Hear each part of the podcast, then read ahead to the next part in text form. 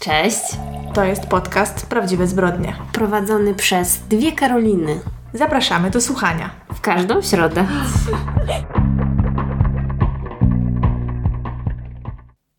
Jak możecie zobaczyć po tytule, jest to odcinek dwusetny. Uhu, dźwięki otwieranego szampana. Bez szampana niestety dzisiaj, jest niedziela wieczór. Może się pochwalisz, dlaczego nagrywamy tak późno, bo to przez ciebie w sumie. No przeze mnie. No cóż, właśnie wróciłam z weekendowego wyjazdu.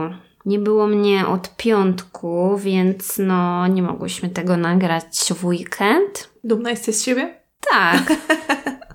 No to opowiedz chociaż jak było. Bo wiedziałam, że polecałaś ośrodek wypoczynkowy.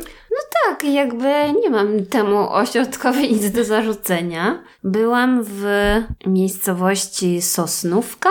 Lucynka właśnie przyszła nas odwiedzić, także jeżeli słyszycie, że ktoś chodzi po biurku, to ona.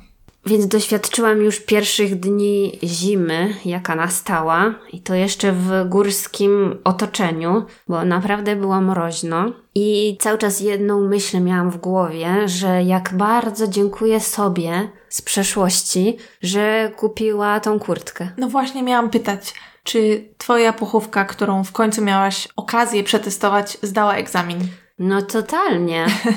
Naprawdę wydaje mi się, że jeżeli tylko macie taką możliwość, to zachęcam do kupienia kurtki puchowej, która sięga do kostek, bo jakby no nie ma opcji, żeby było w niej zimno. Nawet jeżeli nie jest jakaś super gruba, no to ona tworzy taką barierę, że naprawdę no ja się cały czas czuję jakbym chodziła po dworze w kołdrze. Mhm, to prawda. Także to było super. Z takich ciekawszych rzeczy, no to na przykład mogę Wam powiedzieć, że byłam w jacuzzi na dworze.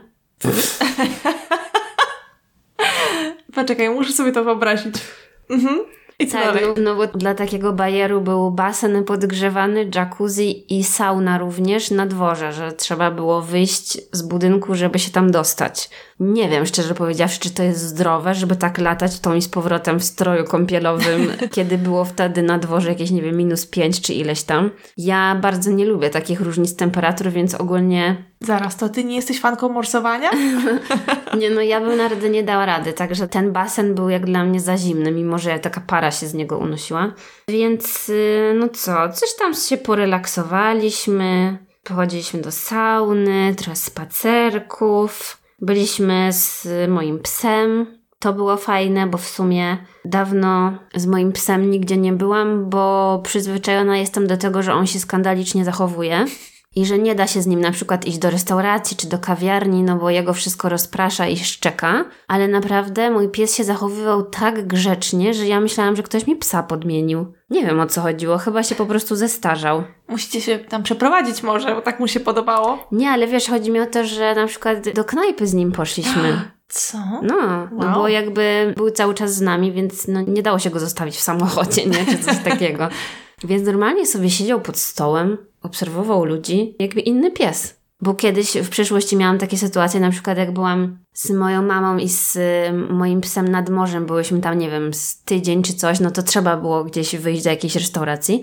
No to on od wejścia tak szczekał, że inni ludzie przy stolikach na przykład mówili do obsługi, czy mogą nas wygonić, bo pies im przeszkadza. O wow, No, naprawdę, było, to ja musiało tak, być głośno. się tak wstydziłam zawsze z nim gdzieś chodzić, a teraz aniołek. No, także następnym razem zobaczycie mnie, nie wiem, we Wrocławiu w Waffa Napoli z pieskiem. Tylko czy jemu by to sprawiło przyjemność? Nie, no nie tak żartuję.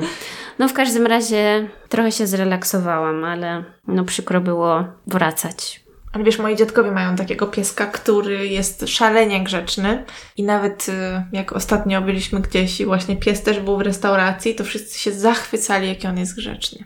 A jemu wystarczy do szczęścia tylko tyle, że go dziadkowie w domu nie zostawią. O, On nie lubi zostawać sam, wiesz? Więc jak on idzie gdzieś z nimi, to jest grzeczniutki.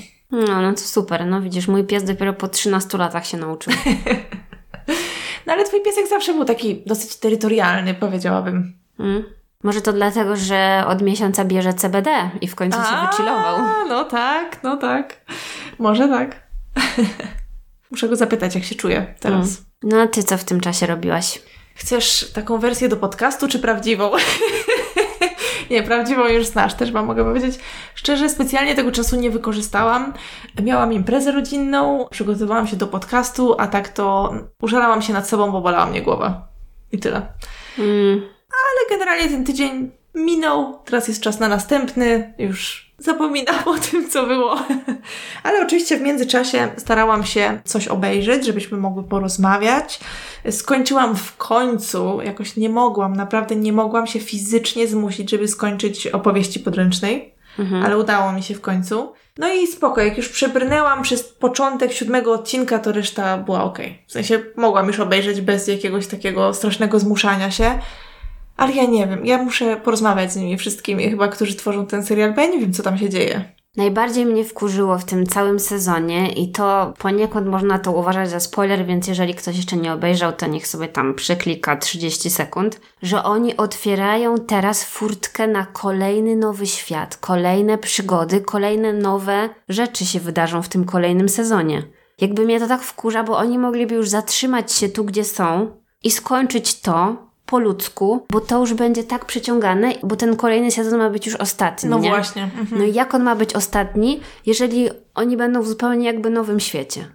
Jest to dziwne, zważywszy na to, że, przepraszam, ale cztery odcinki z tego sezonu były do kosza jakieś po prostu. Były Mm. o niczym, były po nic i znowu te jakieś smętne spojrzenia, te jakieś takie, no, nikt w ostatnim odcinku to powiedział chyba więcej niż przez ostatnie dwa sezony, wow. Tak, i zrobił, no nie? Coś zrobił I, w ogóle. I zrobił inną minę niż...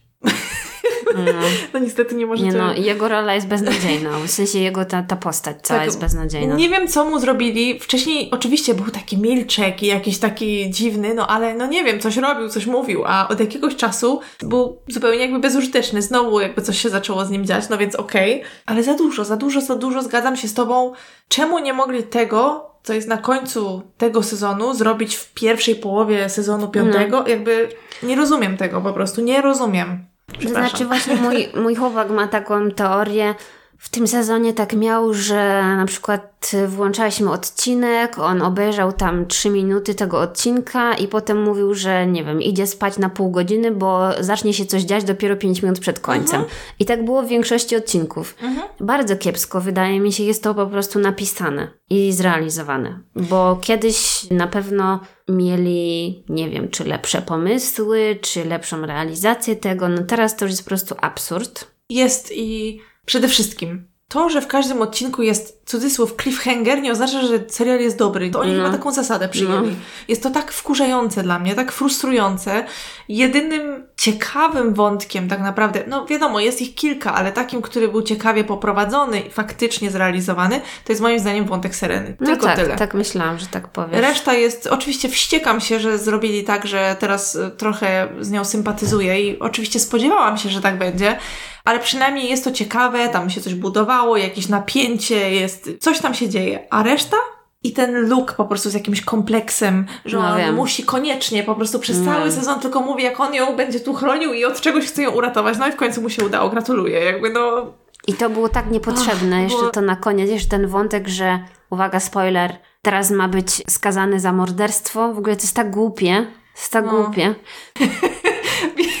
jak widzicie, mamy dużo do powiedzenia na ten temat. Tak, ale przez to, że ten serial się zrobił tak głupi i tak niepotrzebnie przedramatyzowany, to ja już mam taką znieczulicę, że przynajmniej oglądając go nie wzruszam się, nie jest mi przykro, nie robi mi się jakoś tak słabo, bo ja po prostu to oglądam z ciekawości, co oni tam jeszcze nie odjebią. Mhm, dosłownie. Bo już sama ta historia dawno przestała mnie interesować. Więc ogólnie myślę, że będą spadać im oceny. Na pewno już dużo osób się wykruszyło i w ogóle tego nie ogląda, a kolejny sezon myślę będzie jeszcze gorszy. Myślę, że część osób może oglądać właśnie tylko dlatego, żeby wiedzieć, jak w końcu to zamkną i tyle. Bo, no nie, nie, nie, też uważam, że, że popsuli to zupełnie niepotrzebnie. Nie wiem o co chodzi, nie wiem kto za tym stoi, ale błagam. Ograniczcie sceny z dziwnymi minami Jun o 80%, bo to jest przesada po prostu, naprawdę. Serial to nie mogą być zbliżenia z dziwną muzyką na to, jak ktoś się wykrzywia przez pół godziny, bo po prostu to jest niepotrzebne, to jest marnowanie czasu, naprawdę. Ja jestem ciekawa, czy ktoś na YouTubie zrobił jakieś takie kompilacje z tego. Musi być jakaś, bo przecież Przecież to jest żenada. przez połowę tego sezonu robiła tak. No. No nie, dramat, dramat. Może dobrze, że nie mamy tutaj kamery nigdzie, bo... hmm. No nie, kiep- kiepsko, kiepsko. Także, no cóż, ale tak to jest, jak się robi serial ileś tam sezonów. Jaki to był w ogóle sezon? Piąty, szósty? Piąty chyba. Piąty. Nie, no czuję, że to jest powtórka, wiesz, z gry Tron i innych tego typu rzeczy, no, także... Trzeba wiedzieć, kiedy zejść ze sceny. Amen. No i dobrze, może na tym zakończmy. Teraz jestem ciekawa, co ty oglądałaś? Poza podręczną, ale to już kilka tygodni temu, to ja taka późna byłam, jeżeli chodzi o kończenie tego sezonu. Ja przyznam, że bardzo mnie zaciekawiła sprawa Seleny Gomez, bo wszędzie tam widziałam jakieś informacje o tym, że na Apple TV jest film o jej.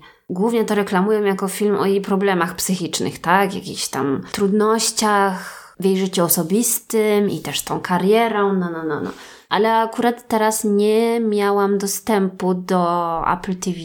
I świetnie, że wyświetliło mi się na Instagramie story właśnie z Seleny Gomez, że ona ma jakąś taką promocję, że jak się wejdzie przez jej link, to są dwa miesiące Apple TV za darmo. Tak, widziałam jednego dnia, chyba sześć osób o tym poinformowało, także w sensie z tych zagranicznych. W każdym razie, do rzeczy. Obejrzałam ten film.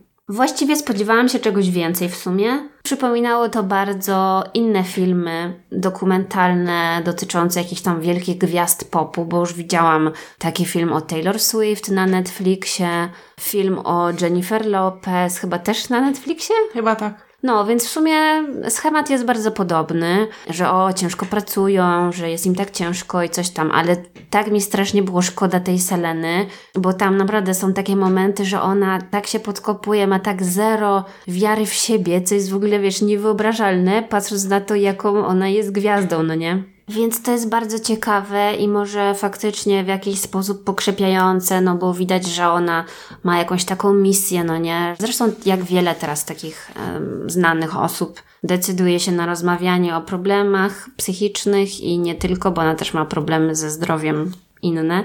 No żeby właśnie jakoś tak ludzi przekonać o tym, że nie są sami, że wszyscy mamy problemy i tak dalej. No mi się taka misja w sumie podoba. Ja ją lubię, w sensie Seleny Gomez.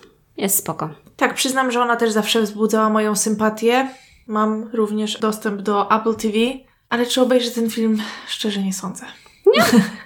No ale na pewno nie. Wydaje mi się, że to jest coś, co ja mogłabym obejrzeć, jak będę leżeć z przeziębieniem, wiesz, tfu, tfu, czy coś takiego. Raczej to nie jest coś, po co... Ale to był bardzo smutny film. No, jakby ja zmusiłam trochę mojego chłopaka, żeby to ze mną oglądał i on tak no patrzy Boże, ale ty film wybrałaś, bo mi się tam łezki kręciły. No nie wiem, mnie to złapało za serce. Nie, ja nie mówię, że, że to dlatego, że uważam, że to jest pewnie beznadziejne, ale jakoś, no nie wiem, widzisz, o Jennifer Lopez też mówiłam, że a, może obejrzę, może obejrzę i koniec końców nie obejrzałam. Jakby Mm. ja ewidentnie mam problem z oglądaniem takich filmów. A ja lubię takie filmy No. właśnie o, o takich gwiazdach. No, lubię. Może to przez to, że jestem jakaś taka ciekawska.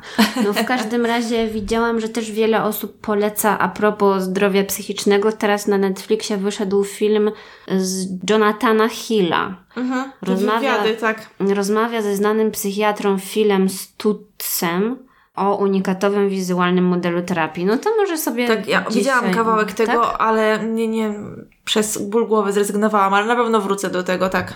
No to może sobie dzisiaj odpalę, jak skończymy o ludzkiej porze to nagrywać. Bo no ja lubię takie tematy. Jeśli chodzi o mnie, to ja jeszcze obejrzałam ostatnio jedną rzecz, a w zasadzie nawet nie całą. Źle powiedziałam, próbowałam oglądać, może w ten sposób. Jak wiecie, bardzo lubię seriale kostiumowe i filmy kostiumowe, no więc postanowiłam podejść do serialu Netflixa Cesarzowa Sisi. Pewnie widziałaś? Co? Nie, nie widziałaś? To żart? Nie no, serio. Nie widziałaś zajawki? W sensie myślałam, że mówisz, pewnie widziałaś, w sensie, że widziałam cały serial. Nie, nie, chodziło mi o zajawkę. No tak, to to byłby dobry żart. nie, nie, nie wiem o co chodzi w sumie. No może widziałaś taką miniaturkę na Netflixie? No w każdym razie Netflix zrobił serial o Sisi cesarzowej, która e, siedziała sobie na wiedeńskim dworze. No ja oczywiście tą historię znam, w sensie jej historię znam, bo ta w serialu to nie wiem, w sumie nie, nie oglądałam całego. Widziałam chyba trzy odcinki, no ale szczerze to nie mogę nic zarzucić temu serialowi, ale po prostu nudny był dla mnie. W ogóle mnie nie wciągnął, więc darowałam sobie. Stwierdziłam, że nie będę marnować swojego czasu. Może kiedyś dam mu jeszcze jedną szansę, ale No nie wiem, jeżeli ktoś z Was widział, to dajcie znać, jestem ciekawa. Może miałam zły dzień na to, no ale nie, nie, jakoś w ogóle mnie nie wciągnął, szczerze mówiąc. Mm. No i poza tym w tym tygodniu też bardzo się ucieszyłam, ponieważ zaczął wychodzić nowy sezon Życia seksualnego studentek na HBO. Aha, no właśnie jeszcze nie miałam czasu, Je- żeby to włączyć. Jakkolwiek dziwny jest ten tytuł, e, to jest to fajny, fajny serial. Już my może jesteśmy trochę za stare, to już nie nasza grupa wiekowa. Ale lubimy Karolina się wierzyć, krzywi, tak? ale lubimy wierzyć, że jest to nasza grupa. Dokładnie. Nie, no spoko serial, naprawdę. Miło się go ogląda. No dopiero dwa odcinki wyszły i przyznam szczerze, że pod tym względem HBO mnie wkurza, dlatego że tak jak rozumiem, dlaczego nie wrzucają od razu całego sezonu Białego Lotosu, czy nawet tego Domu Smoka, czy tego typu seriali, no to w przypadku takich seriali komediowych, które są krótkie, nie rozumiem czemu nie wrzucają całego. Uważam, że to jest trochę bez sensu, bo ja już zdążę zapomnieć, co się działo. Wiesz, o co mi chodzi? Bo to nie jest serial dramatyczny, który się zakończy jakimś tam, wiesz, właśnie cliffhangerem, który będzie cię torturował przez następny tydzień. Nie. No to mogę Ci chyba wyjaśnić dlaczego, bo HBO to jest wciąż kanały telewizyjne. Ja to rozumiem, ale denerwuje mnie to. No i myślę, że oni są na tyle oldschoolowi, że ten serial pewnie wychodzi w telewizji, nie? Nie, no jasne, Co tydzień. że co to ja wiem, ale czy ja muszę się z tym zgadzać? Czy musi mi się to podobać? Nie. No w każdym razie cieszę się, że wyszedł. Szczerze myślę, że poczekam aż wyjdzie kilka odcinków i właśnie zostawię sobie na jakiś miły, samotny wieczór przed telewizorem. No a przy okazji nazwiska Chalamet, Mhm. bo tam gra jego siostra, nie? W tym serialu. To chciałam powiedzieć, że jeszcze wracając do American Film Festivalu, widziałam tam film ostatniego dnia do ostatniej kości, czyli Bones and All. Ale mówiłaś, że nie będziesz o tym mówić, dopóki wszyscy nie obejrzą tego filmu. Tak, ale ja chciałam właśnie Wam powiedzieć, żebyście poszli go obejrzeć, bo widzę, że taka oficjalna premiera w Polsce jest 25 listopada, czyli kilka dni po tym, jak ten odcinek się ukaże. Chociaż pewnie jakieś podkazy przedpremierowe też są. I chciałam powiedzieć, żebyście po prostu poszli obejrzeć ten film. Bo on na mnie zrobił bardzo duże wrażenie, ale myślę, że to dlatego, że nie czytałam na jego temat zbyt dużo. Więc polecam właśnie nie czytać za dużo, iść do kina z taką czystą, nieskażoną głową i po prostu oglądać. Tak, już wspominałaś mi poza anteną, żebym nic nie czytała. No nie do końca może mi się to udało, ale oczywiście wiadomo, nie wiem, co tam się dokładnie dzieje i mam plan iść na to do kina, jak wyjdzie, chociaż wiesz, jak to jest z moim zbieraniem się do kina. Nie zdziwię się, jak wiesz, poczekam, aż za dwa lata będzie na Kanal Plusie. zobaczymy, zobaczymy. No to co? Jesteśmy gotowe na historię? Tak. Ale nie, poczekaj. Jeszcze musimy powiedzieć, jak się czujesz z tym, że jest to nasz dwusetny odcinek. Gratuluję. Dziękuję, ja Tobie też gratuluję. Wszystkiego najlepszego. 100 lat. Wszystkiego najlepszego i kolejnych 200. O, Dobra, to może jakieś szybkie podsumowanie. Czy jesteś w stanie podsumować te 200 odcinków jednym słowem? Jednym słowem, dwoma. Dobra. Ja pierdolę. Widzę, że czytamy sobie w myślach, no. Nie no, słuchajcie, ten podcast to jest taki roller coaster, ale nie, ogólnie musimy jakoś tak zrezygnować z tych celebracji, bo właśnie już to mówiłam Karolinie wcześniej, że dla mnie zdecydowanie większe wrażenie robi to, jak mamy tak zwaną rocznicę. Ale z drugiej strony 200, no to też fajna liczba, więc nie wiem. Ale to jest zbyt blisko w czasie po prostu siebie. Mhm. Gdyby była większa różnica, może bardziej byśmy się jarały. No to teraz twoje słowo, podsumowanie. To znaczy, ja mam podobne, ale chyba z innych powodów. Bo faktycznie czasami reaguję tymi słowami, jak sobie przypomnę, że jeszcze nie zrobiłam historii na przykład, a już jest środa, ja nawet jeszcze nie wiem, o czym będziemy opowiadać i trzeba będzie spędzać wieczory po pracy, plując sobie w brodę, że człowiek jest taki niezorganizowany. Czasami te słowa cisną mi się na usta, jak coś dobrego się wydarzy i nie mogę w to uwierzyć, jak coś dobrze brzmi i się cieszę. Aha, No, także, także myślę, że wybrałaś dwa dobre słowa. Szczerze to myślałam, że jak ci zadam to pytanie, to mi powiesz, żebym spadała, bo co to jest za głupie pytanie. No ale To teraz czekamy na Wasze opinie. Mamy nadzieję, że macie jakieś lepsze słowa. Nie, no szczerze mówiąc, to czasami jak sobie myślę, bo nie dociera to. Właśnie tak jak mówisz, jak była rocznica czterech lat, dobrze mówię? Tak, no. To ja byłam w szoku. Byłam w szoku naprawdę, bo no, na co dzień się nad tym nie zastanawiasz. Jak zobaczyłam ostatnio, że o Boże, faktycznie będę wpisywać 2.00, publikując następny odcinek, też to mną trochę wstrząsnęło, oczywiście w bardzo pozytywny sposób, bo no gratuluję nam, że to robimy nadal. I że się nie poddajemy. No, także wydaje mi się, że jakąś nagrodę powinnyśmy sobie sprawić. Coś dobrego do jedzenia pewnie. Zgadzam się. No dobra, to jak widzicie, jesteśmy antysentymentalne. Bo też tak głupio, wiesz, co mamy, klepać się po plecach teraz przez 30 minut? No, to może przejdziemy do rzeczy. Przepraszam, jeszcze chciałam coś powiedzieć. Chciałam powiedzieć, że Jestem bardzo zaskoczona, bo jakiś czas temu zainstalowałam tego Discorda, prawda, którego mają nasi patroni. I muszę powiedzieć, że bardzo mnie cieszy, jak widzę, ile z Was tam się angażuje i jednak pisze do nas jakieś wiadomości. A najbardziej mnie śmieszy, że tak bardzo, nawet nie śmieszy, co ja mówię, cieszy, że tak bardzo kochacie reality show jak my. Tak, bo ten wątek cieszy się największą popularnością. No, to jest fantastyczne.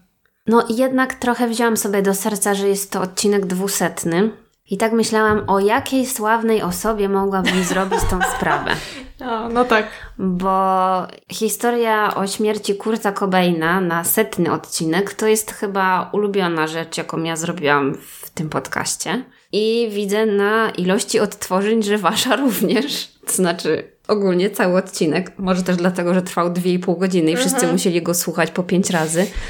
Ale dla statystyk to zawsze spoko. Więc dzisiaj postanowiłam, jeżeli chodzi o mnie, to cofnąć się w mój taki okres przed fascynacją Kurtem Cobainem, bo nie wiem, czy wiecie, ale przed tym, jak odkryłam grunge, to byłam fanką R&B. Szok, nie? Co prawda, moją ulubienicą była Ashanti, ale Ashanti na szczęście jeszcze żyje. Mhm. W każdym razie Alia niestety tragicznie zmarła. 25 sierpnia 2001 roku 22-letnia Alia zginęła wraz z ośmioma innymi osobami w katastrofie lotniczej. Nie jest to szok dla Ciebie? Nie. I dzisiaj opowiem Wam co nieco o niej i o tym, jak doszło do tego wypadku. Zaczynając od początku, Alia urodziła się 16 stycznia 1979 roku na Brooklynie w Nowym Jorku. Już od małego wykazywała taki talent do bycia performerką. Gwiazdą? No dokładnie. Pochodziła też z muzycznej rodziny, więc jej mama, która również śpiewała, zauważyła, że Alia ma do tego talent, więc zapisała ją bardzo szybko na lekcję śpiewu. Z powodu pracy jej ojca, rodzina z Nowego Jorku przeprowadziła się do Detroit i tam ona chodziła do katolickiej szkoły, gdzie też rozumiem, dużo śpiewali, mhm. bo kto śpiewa, ten dwa razy się modli.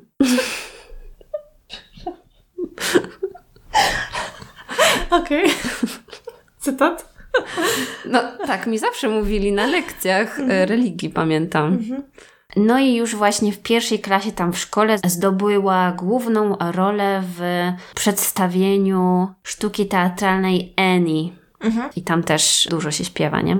No i było coś w niej takiego, taka determinacja. Na pewno to musiało sprawiać jej dużo radości to takie występowanie, no bo myślę, że rodzice nie byliby w stanie ją do tego zmusić, że sama zgłaszała się na castingi, też e, brała udział w przesłuchaniach do różnych programów telewizyjnych. I już właśnie kiedy miała 11 lat, to pierwszy raz pojawiła się w takim popularnym programie telewizyjnym, takim talent show pod tytułem Star Search. Poza tym też miała wujka, który nazywał się Barry Hankerson. On był prawnikiem, który właśnie pracował w branży rozrywkowej. I swoją drogą też jego żoną była piosenkarka soulowa Gladys Knight. Więc właściwie dzięki tej znajomości, myślę, udało jej się wybić, ponieważ ten wujek załatwił jej występowanie przez y, pięć wieczorów z rzędu razem z tą Gladys na koncertach w Las Vegas i ona wtedy miała 12 lat. Mhm. Także no, naprawdę bardzo szybko została popchnięta na scenę. Ten wujek y, pracował w wytwórni muzycznej, która nazywała się Blackground Records i no pewnie poniekąd jej załatwił podpisanie kontraktu na płytę. To było w roku 91, kiedy ona miała 12 lat. A jej debiutancki album pod tytułem Age Ain't Nothing But a Number wydała w wieku 15 lat. No i niestety tutaj z tytułem tego albumu jest dość nieprzyjemna historia, ponieważ ona wtedy pracowała z Arkelim. O nie. Tak, no i właśnie w 92 roku zaczęła pracę nad tym debiutanckim albumem z Arkelim, bo on tam był podpisany jako producent. I on też, e, z tego co rozumiem, pomógł napisać e, piosenki na tę płytę. Arkeli był sporo od niej starszy, bo kiedy ona miała 15 lat, to on miał 27. No i spędzali ze sobą dużo czasu. Jakby ten tytuł Age Ain't Nothing But a Number, no to chyba mówi e, wszystko. No, w kontekście całej historii Arkeliego faktycznie tak, i jakby nie wiem, czy ty słyszałaś o tym, ale 31 sierpnia 94 roku Arkeli i Alia wzięli ślub w Chicago. I ona miała wtedy, jak mówiłam, 15 lat. I podobno no już jakby historie są do tego wydarzenia bardzo różne, że ona niby skłamała, że ma 18 lat, no bo na akcie tego ślubu jest napisane, że ona ma 18 lat, no bo wiadomo, że nikt inaczej by im ślubu nie udzielił. Na szczęście to małżeństwo zostało unieważnione po dwóch miesiącach. I oni ogólnie po fakcie zaprzeczali, żeby cokolwiek takiego miało miejsce, ale ja się do tego nie przyznawała i R. Kelly niby też. No ale wiadomo, zaprzeczanie takim plotkom no dla Arkeliego byłoby na korzyść, no bo mógłby zostać oskarżony wtedy o coś, no nie? A ona może nie chciała się przyznać, no bo też pewnie jej kazali. W każdym razie był na pewno między nimi jakaś nieprzyzwoita relacja. I właśnie podobno w tym programie dokumentalnym na Netflixie, który jest o Arkelim, ja tego nigdy nie oglądałam, bo to, nie wiem, jest dla mnie jakieś zbyt okropne. W każdym razie on ma bardzo obszerną historię wykroczeń na tle seksualnym, więc no prawdopodobnie ona była jedną z ofiar, ale właśnie podobno wspomniano o tym w tym dokumencie i rodzina Ali była oburzona, że wciągają ją do tej historii i że to jest w ogóle nieprawda i że nie powinni poruszać tego tematu, skoro ona nie może się wypowiedzieć, no bo mhm. nie żyje. Więc jej rodzina twierdzi, że do żadnej takiej relacji między nimi nie doszło. No ale jakby ludzie, którzy wtedy z nimi pracowali, no mówią co innego. Na szczęście Alia nie kontynuowała współpracy z Arkelim i później współpracowała przy kolejnych płytach z Timbalandem czy Missy Elliott, którzy właśnie wyprodukowali jej kolejny album One in a Million, który ukazał się w roku 96 i przy okazji otrzymał podwójną platynę. Tak to się mówi w żargonie muzycznym? Chyba tak. Jeszcze z innych jej osiągnięć to otrzymała nominację do Oscara za piosenkę do filmu Anastazja. Przypomniałaś mi. W 1998 roku otrzymała nagrodę Grammy, a potem poza tym, że tak świetnie jej szło w muzyce, to też zaczęła rozwijać karierę filmową, bo miała główną rolę w filmie Romeo musi umrzeć i też w filmie Królowa Potępionych. I ogólnie ta kariera filmowa też by się rozkręciła, gdyby nie jej przedwczesna śmierć, bo podobno podpisała nawet kontrakt na to, żeby wystąpić w kolejnych częściach Matrixa. Wow. No, no ale niestety już do tego nie doszło. W tym czasie, kiedy doszło do jej tragicznej śmierci, to Alia naprawdę była w szczycie swojej formy, jeżeli chodzi o właśnie twórczość, bo miała już na swoim koncie 2 miliony sprzedanych płyt i też była w zdrowym, fajnym związku. Spotykała się ze współzałożycielem Rockefeller Records, Damonem Dashem. No i niestety oni, znaczy niestety, no mówię w perspektywie tego, że ona zmarła, ale że podobno rozmawiali o ślubie, snuli plany na przyszłość i że ogólnie bardzo dobrze im się układało.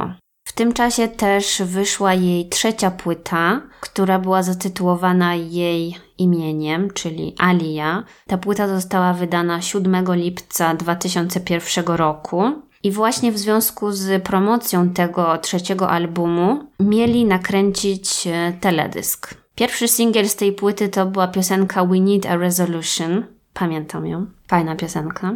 No i właśnie ten singiel nie osiągnął oczekiwanych rezultatów. W sensie znalazł się na tej liście Billboard 200, y, ale no nie był tam w topce, był na poziomie 59 i sprzedaż tego albumu nie była tak wysoka, jakby no cały ten sztab ludzi pracujący razem z nią jakby sobie tego życzyli. Dlatego właśnie mieli nadzieję, że wydanie kolejnego singla do piosenki Rock the Boat sprawi, że sprzedaż tego albumu wzrośnie. Mhm.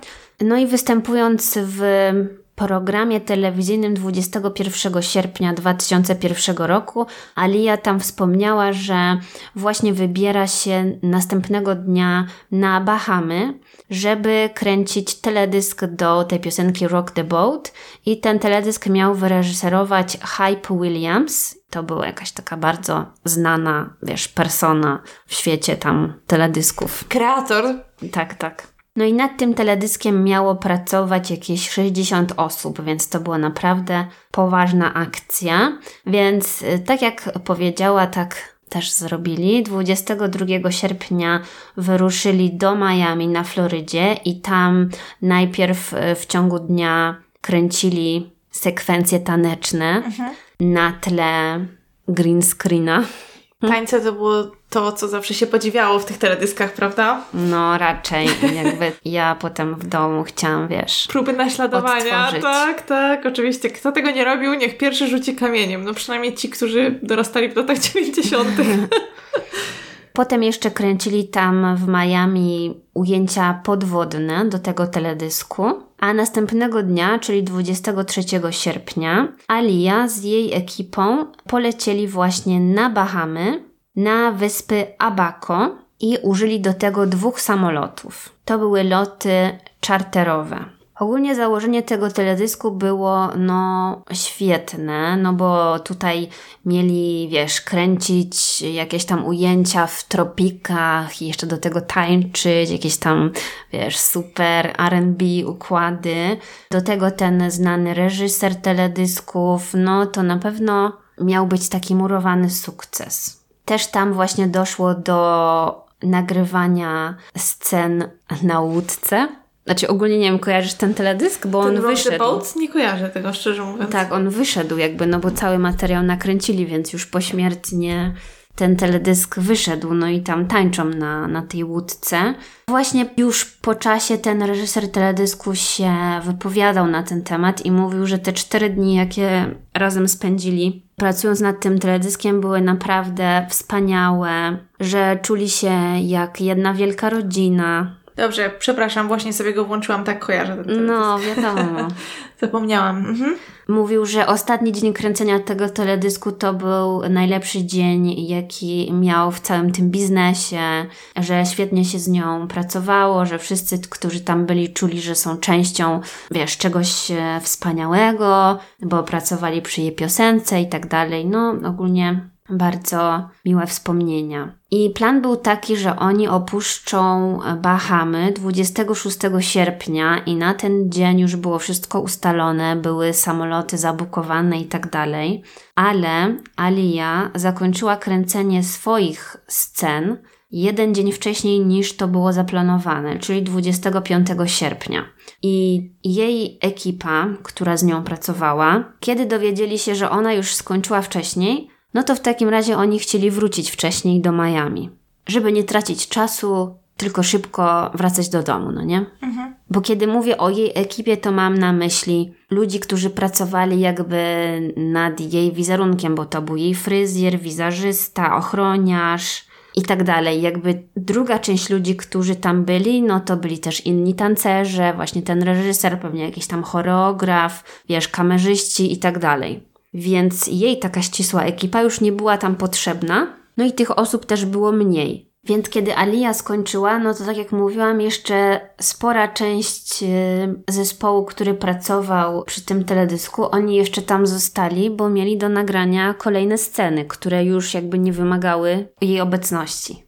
Osoby, które miały lecieć z Alią z powrotem na Florydę, to był jej fryzjer Eric Forman, wizerzysta Christopher Maldonado, jej ochroniarz Scott Gallon, Keith Wallace, Anthony Dodd i jeszcze pracownicy z wytwórni muzycznej. To był Douglas Kratz i Gina Smith. No a poza tym jeszcze na pokładzie był pilot samolotu, który nazywał się Luis Morales. Więc razem tych osób było dziewięć. Oni też mieli swoje torby, mieli sprzęt, jakieś tam kamery i tak dalej. Ich samolot był opóźniony, no i pasażerowie bardzo się niecierpliwili, bo ten samolot, który nazywał się Cessna, miał ich zabrać o godzinie 4.30, ale dopiero dotarł tam po godzinie 18.00. Więc wszyscy już byli zdenerwowani, no bo nie wiem właśnie dlaczego im wszystkim tak się strasznie spieszyło. Właśnie, to bardzo dziwne, zwłaszcza, że w planach mieli zostać tam jeszcze jeden dzień. Jak ktoś mi powiedział, że mogę spędzić wolny dzień na Bahamach, no nie wiem, ale pewnie dla nich to była normalka, więc... No właśnie. Dodatkowo ten samolot, który ostatecznie tam do nich dotarł, on był znacznie mniejszy niż ten samolot, którym pierwotnie przylecieli na Bahamy. No ale teoretycznie było tam miejsce, że wszyscy faktycznie mogli się zmieścić. Kiedy ten samolot już był gotowy, żeby wpuścić ich na pokład, no to oni wszyscy po prostu tam wbiegli ze swoimi rzeczami i chcieli natychmiast wyruszać. Już po fakcie pilot czarterowy Louis Key powiedział, że on podsłuchał, jak pasażerowie kłócili się z pilotem tego samolotu Cessna, Luisem Moralesem, bo podobno ten pilot mówił im, że no sorry, ale mamy tutaj na pokładzie zbyt duży ciężar i w związku z tym nie powinniśmy wylecieć. Pilot próbował przekonać pasażerów, że samolot jest przeciążony, ale ludzie na pokładzie kłócili się z nim, mówili, że muszą być w Miami w sobotę wieczorem, czyli właśnie tego dnia, no bo ten lot był dość krótki. No i nie wiem, tak na niego krzyczeli, tak na niego próbowali naciskać, że on ostatecznie się poddał. Potem jeszcze była jakaś sytuacja, że miał problem z uruchomieniem jednego z silników. I ogólnie Alia, ona bardzo nie lubiła latać samolotami. Bała się latania. A wiesz, taki mały samolocik na, no tam ich była ósemka pasażerów, czyli to pewnie był taki samolot na maksymalnie 10 osób. No to jest dość taki niekomfortowy. No ja Pewnie się trzęsie. no, ja właśnie jakimś takim malutkim samolotem kiedyś leciałam z Wrocławia do Warszawy chyba, czy coś takiego, nie pamiętam. W każdym razie wiem, że tam było naprawdę strasznie, że taki huk był niesamowity i tak wszystko było czuć, że wiesz, każde takie, no nie wiem, zachwianie tego samolotu, no naprawdę ja też właściwie im jestem starsza, tym się chyba bardziej boję latać samolotami, nie wiem. No, człowiek sobie zdaje sprawę, że jakby oddaje swoje e, życie w ręce jakiegoś pana i maszyny, prawda? Więc no. No także też nie wiem, jak ja bym zobaczyła jakiś taki mały samolocik i jeszcze, że pilot mówi, że jest za ciężko i nie polecimy, no to i ja bym No ale czy potrzebne im były te wszystkie szczotki i palety do makijażu na pokładzie? To trochę dziwne. No, dziwne, dziwne. W każdym razie, jak mówiłam, Alia była zdenerwowana całą tą sytuacją, więc już po fakcie, po tym całym zdarzeniu, jej bliscy cały czas zadawali sobie pytanie, po co ona w ogóle do tego samolotu wsiadła, że to było tak do niej niepodobne, że znając ją i jej obawy przed lataniem, naprawdę wszyscy wątpili, jak ona w ogóle mogła polecieć i przede wszystkim po co? Po co nie mogli poczekać do następnego dnia? No w każdym razie ostatecznie wszyscy weszli, samolot wystartował, no i niestety rozbił się krótko po starcie. Samolot wzbił się na zaledwie 30 metrów. To było 60 metrów od pasa startowego i od razu praktycznie runął na dół. Osiem osób zginęło praktycznie natychmiast. Jedyna osoba, która przeżyła ten wypadek i została przewieziona do szpitala, to był ochroniarz właśnie Alii. On niestety zmarł wkrótce po przewiezieniu do szpitala. I jak właśnie odnotowali w jednym z artykułów, przez cały czas, kiedy udało mu się coś mówić, to martwił się właśnie o stan zdrowia Alii. No.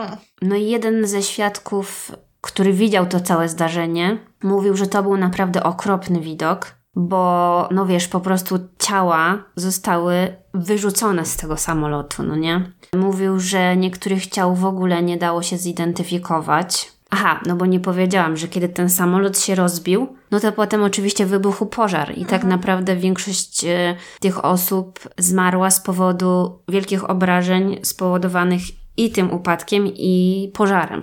Jeden ze świadków wspominał, że jeszcze dwie osoby tak jakby przeżyły i słychać było ich krzyki. To musiało być naprawdę straszne. Że ten cały samolot był rozbity na kawałki, fotele były wyrzucone z tego samolotu. Po tym wypadku wszczęto oczywiście śledztwo, ale ustalono, że był to nieszczęśliwy wypadek. Ciało Ali zostało znalezione 6 metrów od e, wraku tego samolotu. Wszystkie ofiary zostały przewiezione do lokalnej kostnicy, a za przyczynę śmierci Ali podano silne oparzenia i uderzenie w głowę. Mówili też, że jej serce zostało uszkodzone w efekcie takiego ekstremalnego szoku, jakim był cały ten wypadek. Uznano, że prawdopodobnie zmarłaby, nawet jeżeli przeżyłaby tą katastrofę i została przewieziona do szpitala, w sensie, że Gdyby nie było pożaru.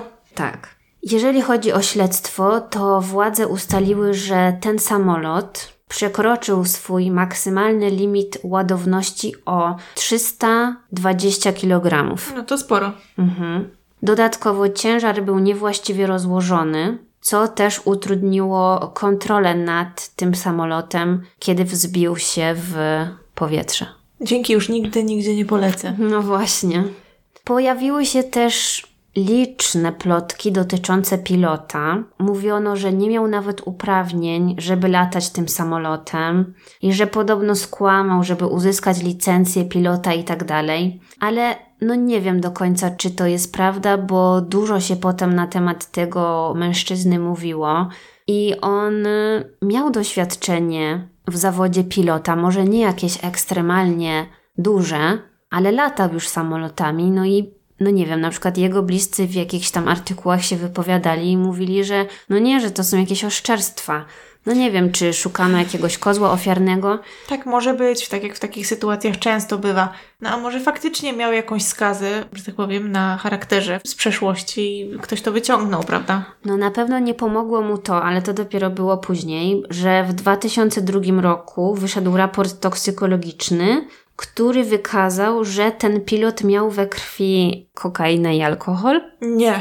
Mhm. To może dlatego nie zauważył, że źle jest bagaż rozłożony, w sensie źle ciężar rozłożony. No tak, ale też według świadków, no on się kłócił z nimi, że samolot jest za ciężki, a oni tak strasznie napierali. No nie wiem, czy może oni mu jakoś zapłacili, powiedzieli, że no dawaj, co złego może się stać. Nie? No nie wiem, jak taka dyskusja by w ogóle wyglądała. Były problemy właśnie z firmą czarterową.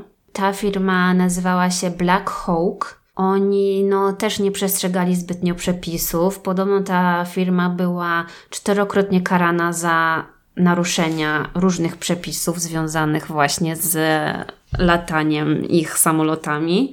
Oni zostali ukarani grzywną w 1998 roku za naruszenie zasad bezpieczeństwa w amerykańskiej przestrzeni powietrznej. Urocze, naprawdę. Mówiono, mówiono też, że ten samolot miał jakieś takie uprawnienia czy upoważnienia, że tak jakby tylko jeden konkretny pilot mógł tym samolotem latać, a ten Luis Morales nie był tym upoważnionym pilotem. Więc tam doszło do jakiegoś takiego zamotania, że ktoś inny powinien być pilotem tego samolotu, ale nie był, nie? więc tam było naprawdę bardzo dużo zaniechań. W 1999 roku ta firma również e, otrzymała jakieś ostrzeżenie za to, że nie przeprowadzali testów na obecność narkotyków wśród swoich pracowników. No i ogólnie jeszcze sporo brudów na tę firmę wyciągnięto. Także no tam nie działo się zbyt dobrze. Więc wydaje mi się, że takie wypadki niestety mogły się tam wydarzyć. No i wydarzyło się, nie? Ale wracając, 28 sierpnia szczątki Ali zostały przetransportowane do Stanów Zjednoczonych. Naprawdę wiele osób, jej fanów, było ogromnie poruszonych i właściwie zbierali się wszędzie, żeby ją pożegnać i żeby ją opłakiwać. Jej ciało przyleciało na lotnisko w New Jersey i tam właśnie też fani czekali. W czasie oczekiwania na jej ciało rodzina Ali przebywała w hotelu w Nowym Jorku i do tego hotelu przez cały czas napływały kwiaty od nieznajomych ludzi i kondolencje. Pracownik tego hotelu powiedział, że w ciągu trzech dni, kiedy rodzina Ali tam przebywała, to otrzymali co najmniej 500 bukietów i właśnie te bukiety wysyłali pogrążeni w żałobie fani. Co oczywiście było no, bardzo wzruszające i rodzina Ali była bardzo wdzięczna. No jakby to było wyrazem tego, jak wielkie znaczenie ona i jej muzyka miała dla tak wielu osób. No też się tak łączyli w tej żałobie. Jej pogrzeb odbył się 31 sierpnia 2001 roku w kościele na Manhattanie. No wiele znanych osób tutaj wyrażało swoje kondolencje i uznanie dla Ali w mediach. Nawet fani zgromadzili się w pobliżu liceum, do którego Alia chodziła i tam zorganizowali czuwanie przy świecach. A 29 sierpnia jakieś 6 tysięcy osób wysłało maile do BBC News i tam również w tych mailach opłakiwali Aliję i jej śmierć. Także naprawdę no, tyle osób było poruszonych tą jej śmiercią, no bo jednak ona miała 22 lata. Mhm. I jeszcze, żeby zginąć taką tragiczną śmiercią w katastrofie lotniczej. Tak, jest to takie bardzo nie chcę, żeby to źle zabrzmiało, ale po prostu też zaskakujące. Mhm. No takie rzeczy się codziennie nie zdarzają, więc no to jest szok naprawdę. Ale to jeszcze nie koniec, bo właśnie jak mówiłam, główną taką zagadką było to, dlaczego Alia zgodziła się, żeby wsiąść do tego samolotu. Było wiele ryzyka właśnie związanego z tym samolotem i ona o tym wiedziała. No i dodatkowo następnego dnia mieli zabukowany ten normalny samolot, którym mieli spokojnie sobie wrócić. I pojawiła się książka.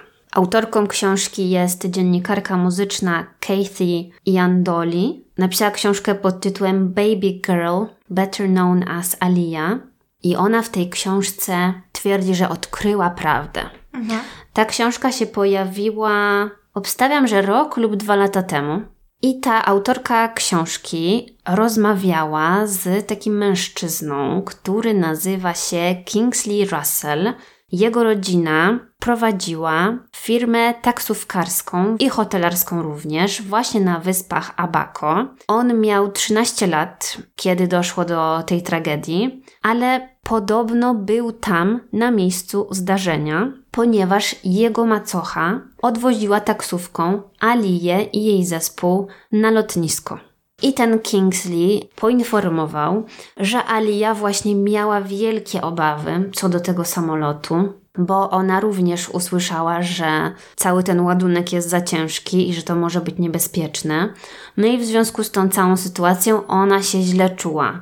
Mówiła, że boli ją głowa, że czuje się jakoś tak nie bardzo, więc postanowiła wycofać się, bo tam była niezła awantura między tą jej ekipą a tym pilotem samolotu i stwierdziła, że ona poczeka w tej taksówce, bo w tej taksówce była klimatyzacja, więc ona sobie tam w spokoju poczeka, bo ją boli głowa i ona nie chce się w to mieszać. I w ogóle to ona nie chce do tego samolotu wsiadać. Mhm. Według tego Kingsleya ktoś z jej ekipy przyszedł do niej, do tej taksówki, żeby z nią porozmawiać. Ona wtedy powiedziała znowu, że ona się boi, że ona nie chce lecieć i że boli ją głowa i w ogóle. Na co ta osoba, która przyszła z nią porozmawiać, dała jej tabletkę nasenną. Po czym Alia w tej taksówce zasnęła. Mhm. Następnie członkowie ekipy Ali wyciągnęli ją śpiącą z tej taksówki i wsadzili ją śpiącą do samolotu. Niemożliwe. No, więc ona nawet nie wiedziała, co się dzieje. No i to jest odpowiedź. Już abstrahując od tego, jak tragicznie skończyła się ta historia, jakby ktoś mi coś takiego zrobił, No, to bym się wściekła, naprawdę. To jakieś takie naruszenie, nie wiem, jakiejś prywatności, jakieś, no nie no, przesada. No wiadomo, tutaj bardzo dużo informacji brakuje, bo na przykład nie wiem, czy ktoś ją oszukał, podając jej tą tabletkę. Może na przykład powiedzieć, że to jest tabletka na ból głowy, a tak naprawdę to była tabletka usypiająca. No, No, albo w sumie wiedziała, co bierze, tylko czy się spodziewała, że ją będą zaciągać do samolotu potem. W każdym razie to jest dla mnie naprawdę skandaliczne, bo to wszystko wydarzyło się jeszcze wbrew jej woli. No? No właśnie, tak, tak. Oczywiście wszystkie te osoby umarły, które weszły do tego samolotu, no ale ona nie chciała tam być. To jest Mhm. najgorsze, nie? No niestety nigdy się nie dowiemy pewnie całej prawdy, tak jak mówiłaś, ale bardzo smutna historia, pamiętam ją, ale nie znałam jej oczywiście w takich szczegółach. No, to teraz czekam na Twoją historię. Ja dziś opowiem historię, która wydarzyła się w Stanach Zjednoczonych, na Florydzie, a dokładnie w mieście Tallahassee. 16 grudnia 2000 roku kobieta, która nazywa się Denise Williams, zaczyna się stresować, ponieważ jej mąż miał wrócić koło 12 tamtego dnia, to była sobota, ponieważ para miała wybrać się na wycieczkę z okazji rocznicy ślubu. Przed wyjazdem jej mąż, Mike, bo tak wszyscy na niego mówili, postanowił wstać wcześniej i pojechać nad jezioro Seminole, ponieważ chciał pójść polować na kaczki. To było jego hobby. Generalnie bardzo lubił spędzać czas na dworze, lubił właśnie łowić ryby, lubił polować na kaczki, więc nie było niczym dziwnym, że właśnie tak chciał spędzić sobotni poranek. Gdy nie wracał, jego żona zaczęła się troszkę stresować. W pewnym momencie zadzwoniła nawet do jego kolegi. Ten pan nazywał się Damon, z tego co pamiętam, w nadziei, że może pojechali razem, bo tak bywało w przeszłości, że właśnie razem jeździli nad to jezioro. Niestety ten kolega nie wiedział, gdzie jest Mike, nie umawiał się z nim na wycieczkę tamtego dnia. Kolega natomiast powiedział, że już do niej jedzie i na miejscu spotkał się z y, ojcem Denise, no i oni razem pojechali nad jezioro, żeby szukać Majka. To jezioro znajdowało się około 45 minut stamtąd. I gdy dojechali na miejsce, zorientowali się, że faktycznie znaleźli auto Majka, ale ono stoi w takim dziwnym miejscu, trochę na uboczu, nie przy takim cudzysłów oficjalnym miejscu, gdzie się, wiesz, wpycha łódki do wody, tylko tak z boku. No i tego kolegę to trochę zdziwiło, bo gdy byli nad tym jeziorem wcześniej, no to w tamtym miejscu właśnie nie spychali łódki do wody, tylko w innym.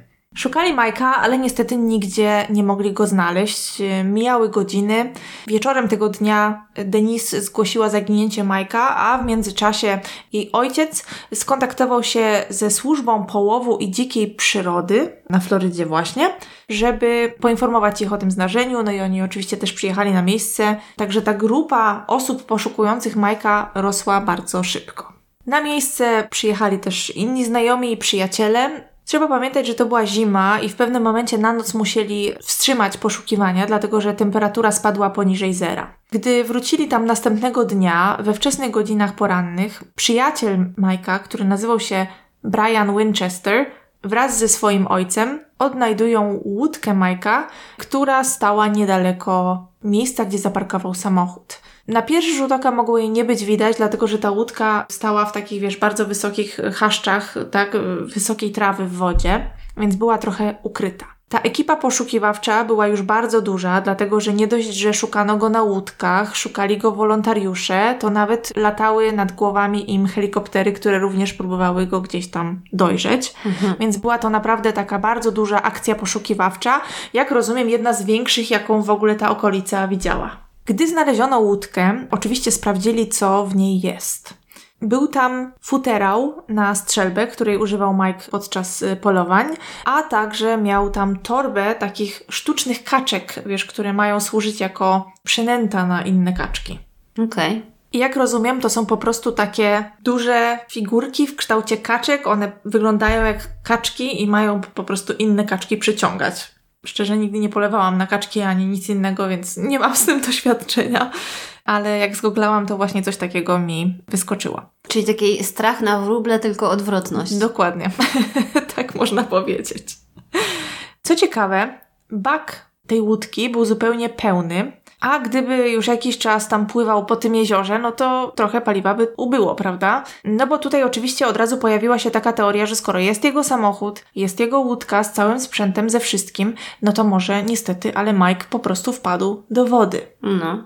Jak rozumiem, na takie wyprawy chodzi się w takich specjalnych spodenkach na szelkach, które się nazywają wodery. Tak, żeby chodzić po wodzie i się nie, nie zamoczyć. Dokładnie, dokładnie. No i tutaj osoby, które mają z tym większe doświadczenie, mówiły, że jak się wpadnie w czymś takim do wody, no to jest szansa, że one się zaczną napełniać, no i możecie pociągnąć w dół. O, no tak. Bo one są szczelne. Tak, no więc jakby brano taką ewentualność pod uwagę. No ale jeżeli by tak było, czyli faktycznie wypłynął na jezioro, wpadł do wody, a następnie się utopił, no to ta łódka by sobie latała, prawda, po tym jeziorze i poziom benzyny by zmalał, prawda? O ile w ogóle by się na przykład nie skończył. Mijały dni, Majka nadal nie było, nadal mm, nie znaleziono go i w pewnym momencie niestety, ale trzeba to powiedzieć, zaczęto szukać jego ciała, a nie jego, tak? Bo podejrzewali właśnie, że mógł się utopić i sprawdzano to jezioro bardzo dokładnie, metr po metrze, cały teren. Denis, jego żona, oczywiście wpadła w rozpacz. Oni mieli malutką córeczkę, ona miała w tamtym momencie 18 miesięcy. Tak jak mówiłam, tamten weekend był dla nich rocznicą ślubu. Mieli sobie wyjechać na romantyczny weekend na wyspę Świętego George'a, jak gdzieś tam mówili. Powodziło im się dobrze, oni poznali się w liceum, byli szczęśliwym małżeństwem. Z wypowiedzi przyjaciół Majka wynikało, że był bardzo oddanym mężem. Nawet jeden z jego kolegów wspominał, że żona potrafiła zadzwonić do Majka i powiedzieć, że nie ma benzyny, a on rzucał wszystko i jechał jej zatankować samochód. No fajnie. Prawda? Kto by tak nie chciał? Mike odnosił sukcesy, pracował w branży nieruchomości, zajmował się ich y, wyceną. No i gdy Mike nie pojawiał się w domu, nie udało się go odnaleźć, no to z dnia na dzień Denise jakby miała coraz mniejszą nadzieję. No i zaczęła wierzyć, że faktycznie musiało stać się coś tragicznego i Mike nie żyje. Kilka tygodni po zaginięciu Majka, jakiś mężczyzna, który był właśnie przy tym jeziorze łowić ryby, znalazł czapkę w miejscu, gdzie Mike zaginął. Śledczy oczywiście dostali tą czapkę i pokazali ją przyjacielowi Majka, z którym też jeździł na polowania. Ten mężczyzna, już o nim mówiłam, ma na imię Brian. No i on powiedział, że faktycznie ta czapka przypomina czapkę, którą miał Mike, no ale nie może być w 100% pewny, tak? Co dziwne, czapka nie wyglądała jakby była w wodzie. Postanowiono wykonać badania DNA pod kątem właśnie śladów tkanek, no ale y, wyniki były negatywne. I tutaj chciałabym wspomnieć, że powstała też taka teoria poboczna o tym, że Mike mógł zostać zjedzony przez aligatory. Hmm. Bo tak przypominam, że na Florydzie aligatorów jest dużo. W tamtym jeziorze też było ich dużo, no było z tego znane jakby, że tam jest dużo aligatorów i podejrzewano, że albo mógł aligator go zjeść, tak, albo jak się utopił, no to wtedy mógł zostać zjedzony, prawda? 10 lutego 2010 roku poszukiwania Majka zostają odwołane, a następnego dnia odbywa się pogrzeb, to znaczy no taka msza, tak, ku pamięci Majka. Wkrótce po pogrzebie ta służba do spraw połowu i dzikiej przyrody to się nazywa Florida Fish and Wildlife Commission. Wydała raport w związku z tym poszukiwaniem i według tego raportu nie było żadnych dowodów na to, że Mike wpadł do wody albo że stało mu się cokolwiek innego. Jedyne co można stwierdzić i na co są dowody to jest to, że jest zaginiony, bo zniknął. Mhm. No bo no nie było żadnych dowodów, że coś się stało, tak? Nie znaleziono ciała, czyli nie było pewności, że się utopił. Nie znaleziono jakby śladów tego, że został zaatakowany. No nic, tak? Poza tym, że zostały tam jego rzeczy. Oczywiście w międzyczasie pojawiła się też teoria, niektórzy zaczęli się zastanawiać, że może Mike po prostu wziął i uciekł. No. Może postanowił porzucić żonę, no ale tutaj cała jego rodzina i przyjaciele mówili, że to jest niemożliwe, bo nawet jak miał tam jakieś, wiesz, problemy z żoną, no które małżeństwo nie ma, wiadomo, tam czasami się pokłócili. Wspominali w jednym z programów, że doszło między nimi do jakiejś kłótni, na przykład, bo żona tam za dużo pieniędzy z jakiejś karty wydała, czy coś takiego, no jakby... Pff, No, to, To nie jest- normalne tak, no właśnie, to nie jest powód, żeby, nie wiem, uciekać, prawda, i porzucać rodzinę. Więc, no, wszyscy stwierdzili jednogłośnie, którzy go znali, że to jest niemożliwe. Mhm. Mijają kolejne miesiące. Mama Majka nie może się z tym pogodzić. Ona jakby cały czas żyje w przekonaniu, że Mike się odnajdzie. Ona nie wierzyła w to, że on się tam utopił. No w sumie myślę, że ja też bym na jej miejscu nie wierzyła, no bo dopóki nie masz żadnego dowodu, no to no zawsze ta nadzieja pozostaje, prawda? Myślę, No. że to nie jest nic dziwnego. Denis żyło się ciężko. Tam jacyś przyjaciele Majka pomagali tam sprzedawać różne rzeczy i tak dalej. Oczywiście też chodziło o finanse. No więc postanowiła zwrócić się do firmy ubezpieczeniowej, bo oczywiście, no, oni mieli jakieś tam kilka polis kupionych przez lata. No ale wiadomo, firma ubezpieczeniowa tak od razu nie wypłaca odszkodowań. I jak osoba jest zaginiona, to tam musi, nie wiem, minąć chyba z 5 lat, zanim oni w ogóle rozważą coś takiego. No tak. No więc jedyną opcją było tak naprawdę doprowadzić do uznania go za zmarłego. Hmm. W czerwcu 2002 roku, czyli już długo, długo później, rybak właśnie nad tym jeziorem znajduje gumowe wodery unoszące się na wodzie. Oczywiście przekazał je odpowiednim służbom, natomiast y, co ciekawe, te spodnie, o ile mogę je tak nazwać, były w bardzo dobrym stanie. No i znowu stwierdzają, że faktycznie no, te wodery wyglądają jak coś, co miał Mike. Natomiast znowu nie znajdują żadnych śladów DNA czy nic takiego. Natomiast uznają, że to są rzeczy Majka. I to, i ta czapka. Coś mi się wydaje, że ktoś tutaj jakiś spisek knuje. No właśnie.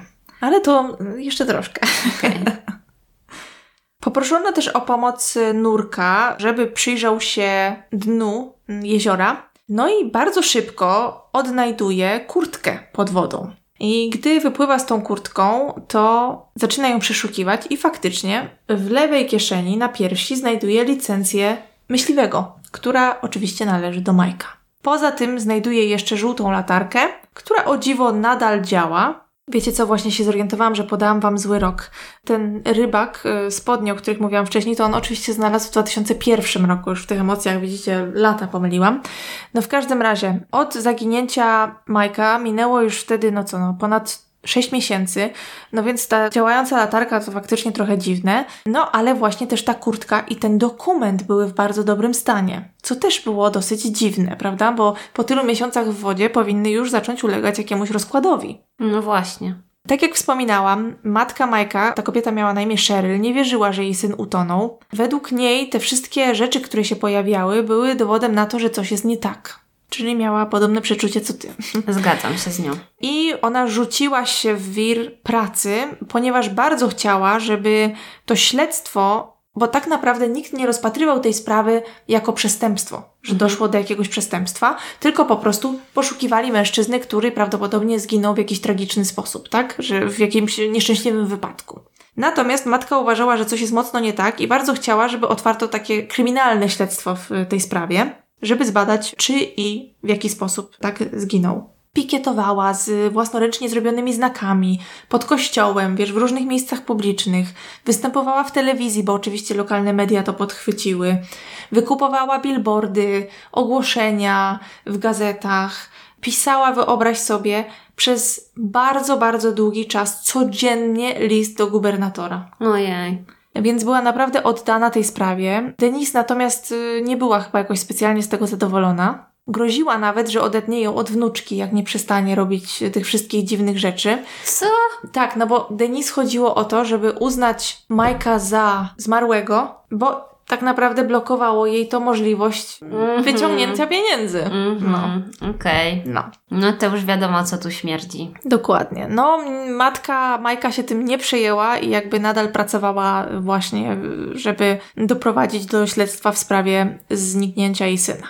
Skomponowała długą listę pytań, które pojawiły się w jej głowie po przeanalizowaniu wszystkich okoliczności tego zaginięcia. Zwróciła też uwagę na różne nieścisłości w całej tej historii, na właśnie te pojawiające się rzeczy na przykład. I tak wszystkie te dokumenty zbierała i w pewnym momencie też odpisał jej jakiś specjalista od aligatorów, ponieważ ona bardzo chciała wiedzieć, wiesz, więcej na temat też tych okoliczności przyrody, że tak powiem, które tam były.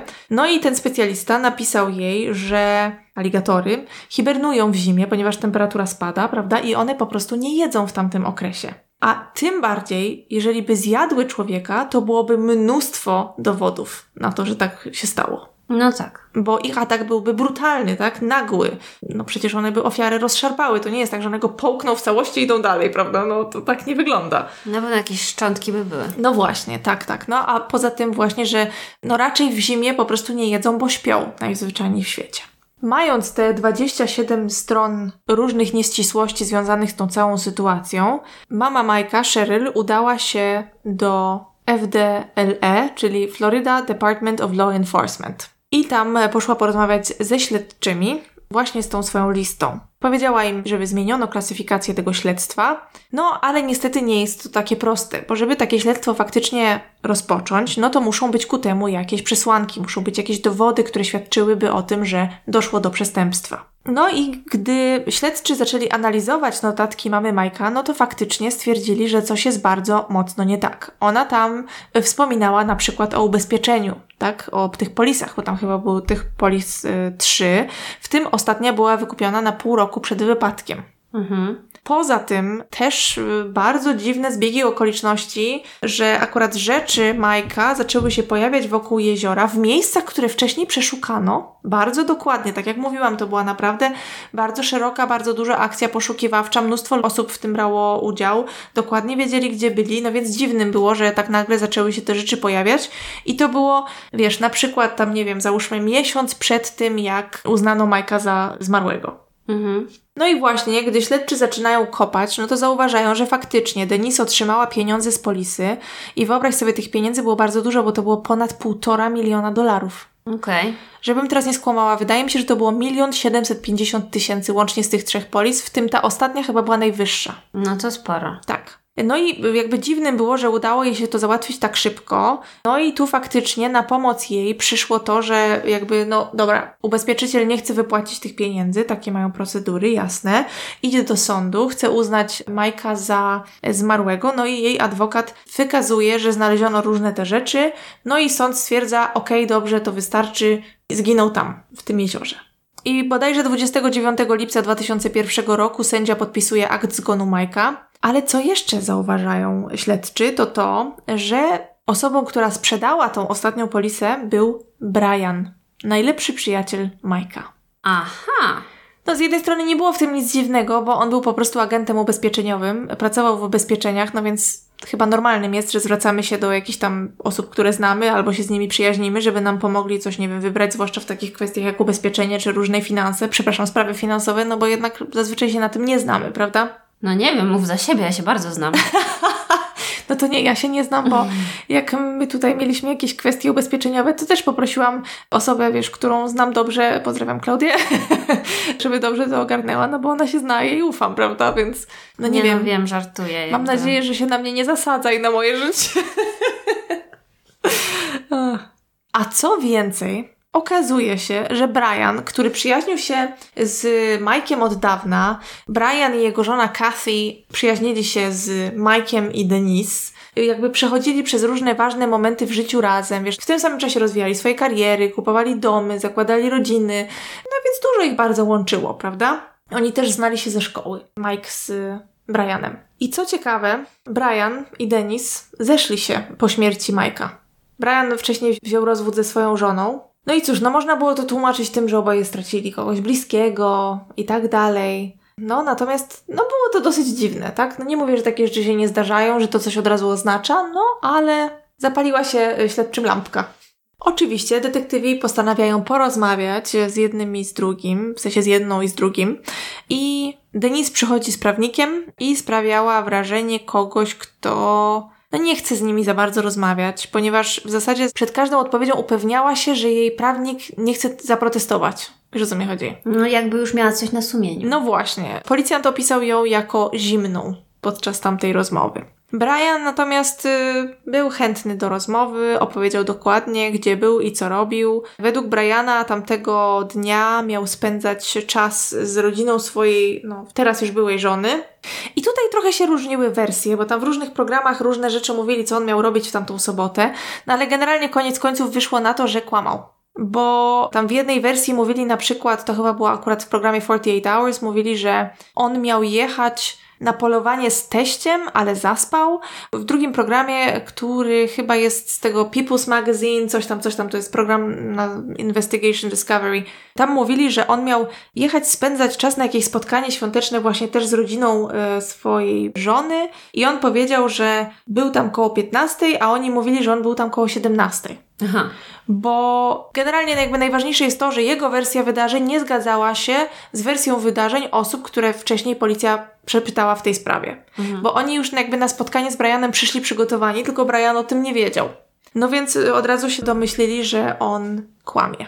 Co więcej, pojawił się jakiś świadek, to był nawet chyba znajomy jednego z, ze śledczych, y, który powiedział, że w ranek, kiedy zaginął Mike, widział Briana. Gdy pokazano mu kilka zdjęć, on z tych zdjęć właśnie wybrał Briana i powiedział, że to on. A na dodatek, była żona Briana miała powiedzieć policji, że podejrzewa, że Brian i Denise mogli mieć romans już od kilku dobrych lat, czyli kilka lat przed śmiercią Mike'a. No tak, na to czekałam.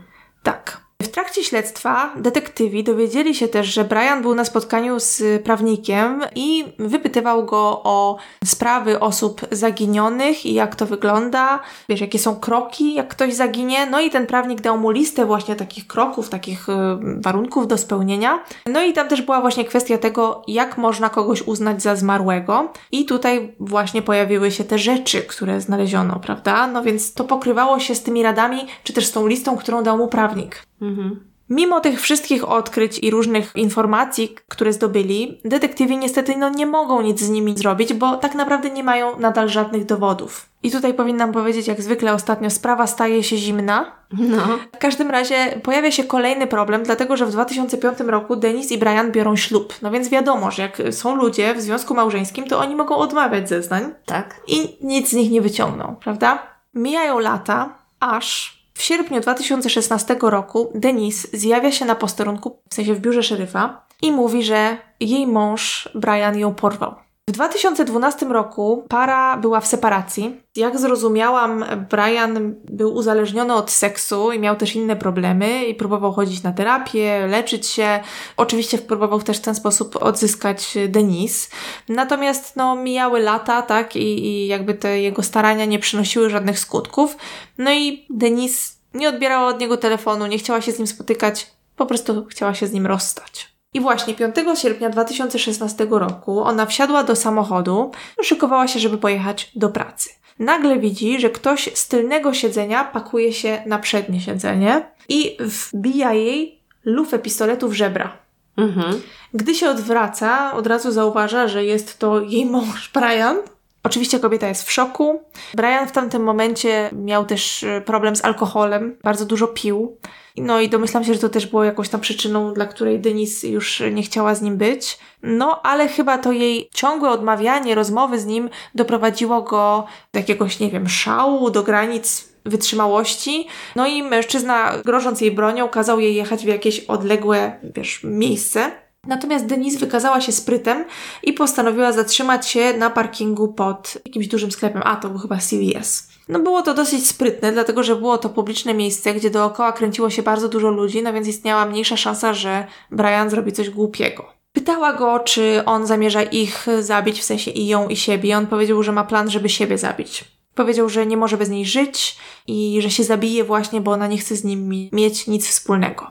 Denise jakby starała się grać, wiesz, tak, że się z nim zgadzała, no i starała się zachowywać tak, żeby go uspokoić. Zajęło jej to trochę, po prawie godzinę, no ale w końcu Brian puszcza ją wolno, ale prosi ją, żeby nie szła na policję. Ona oczywiście się na to zgadza, a następnie czym prędzej biegnie na, wiesz, pewnie najbliższy posterunek. Opowiada śledczym o tym, co zaszło i jeszcze tego samego dnia Brian zostaje aresztowany. Natomiast tutaj detektywi postanowili wykorzystać tę okazję i próbują podpytać Denise o śmierci jej pierwszego męża i o to, jak zaangażowany w to był Brian. Tam kilka osób próbowało ją podchodzić, kilku różnych detektywów, ale Denis absolutnie nic nie mówi o śmierci swojego pierwszego męża. Co więcej, powiedziała detektywowi, który chyba wcześniej już pracował nad e, sprawą właśnie Majka, że przecież jakby podejrzewała, że Brian miał coś wspólnego ze śmiercią jej pierwszego męża, to w życiu by za niego nie wyszła. Zapytano ją też, e, jak myśli, gdzie jest ciało Majka, a ona taka, no jak to, no, że ona jest przekonana, że on utonął w tym jeziorze. No jasna sprawa. Tak.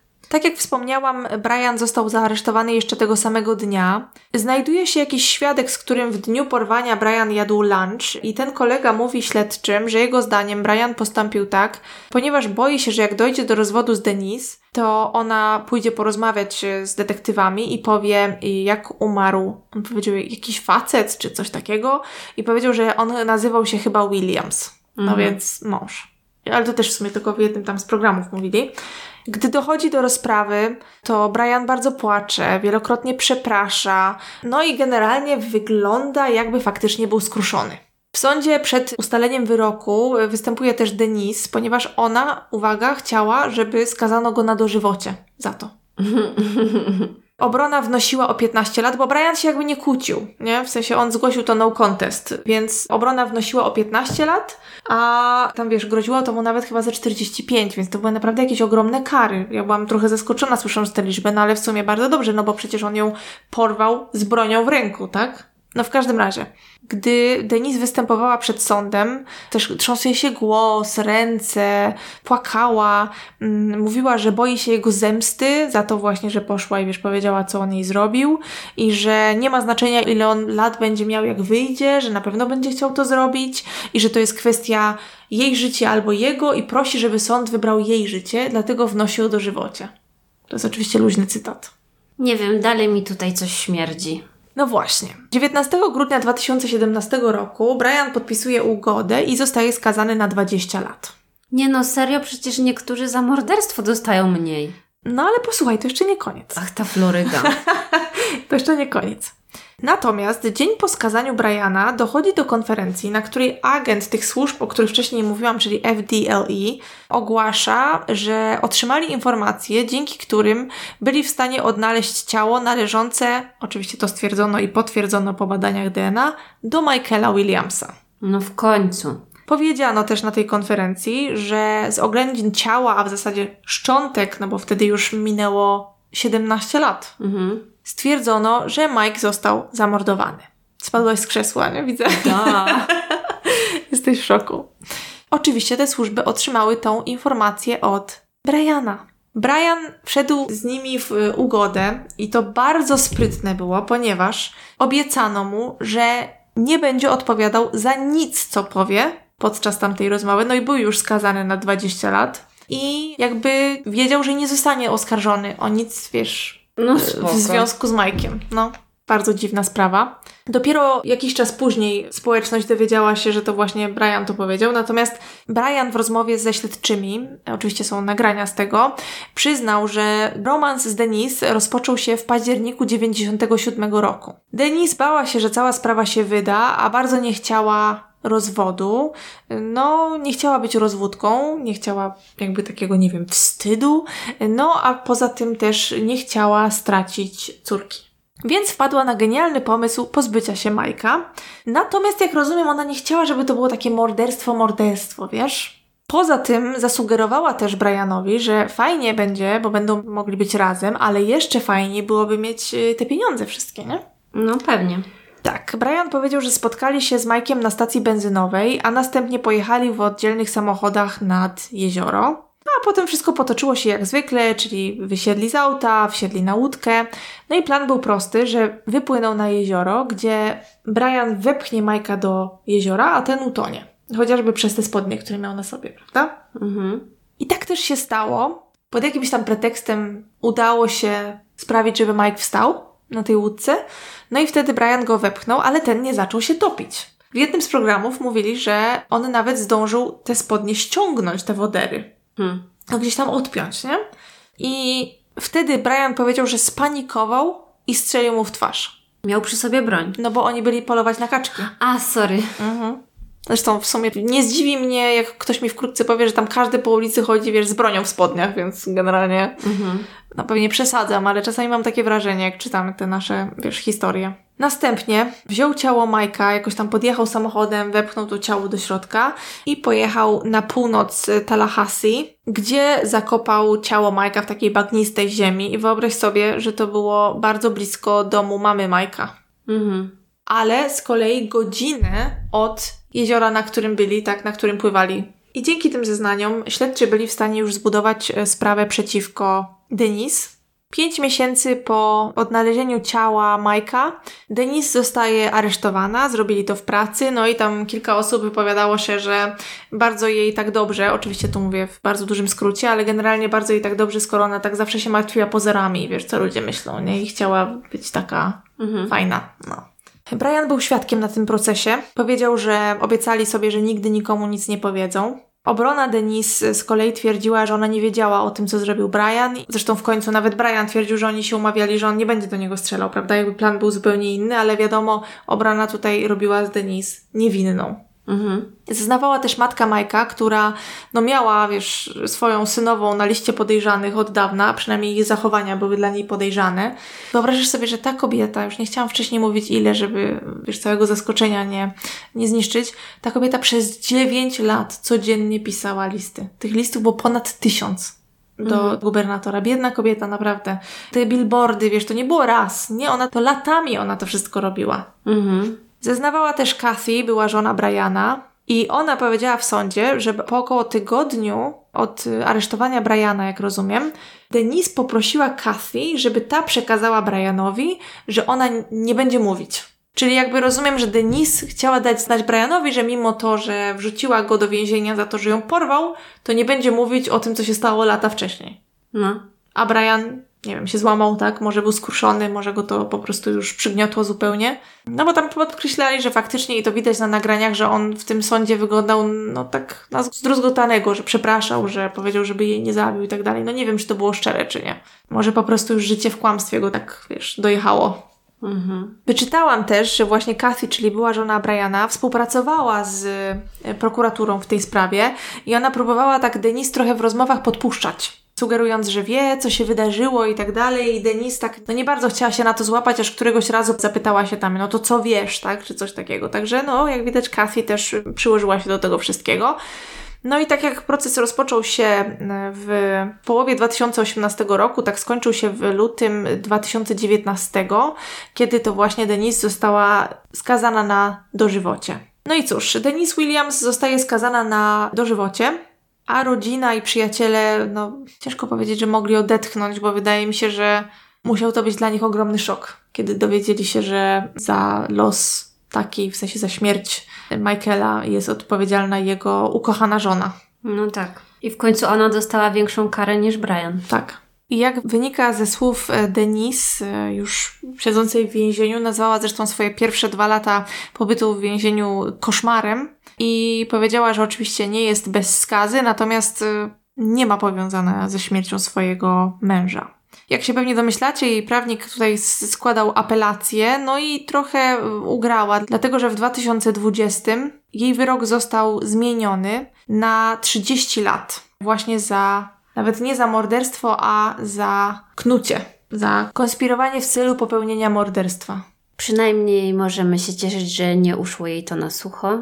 Dokładnie, bo przecież przez kilkanaście lat świetnie się trzymali. To też trzeba mieć naprawdę nerwy ze stali, że ona w ogóle się nie bała pójść na tą policję, wiesz, zgłosić, że ten mąż ją porwał. No, debile, No. tak bym powiedziała, bo co, gołąbeczki się pokłóciły i już przez to skończyli w więzieniu. No. I bardzo tak dobrze oczywiście, tylko po co to wszystko było? To było tak bez sensu. Straszne. No cóż.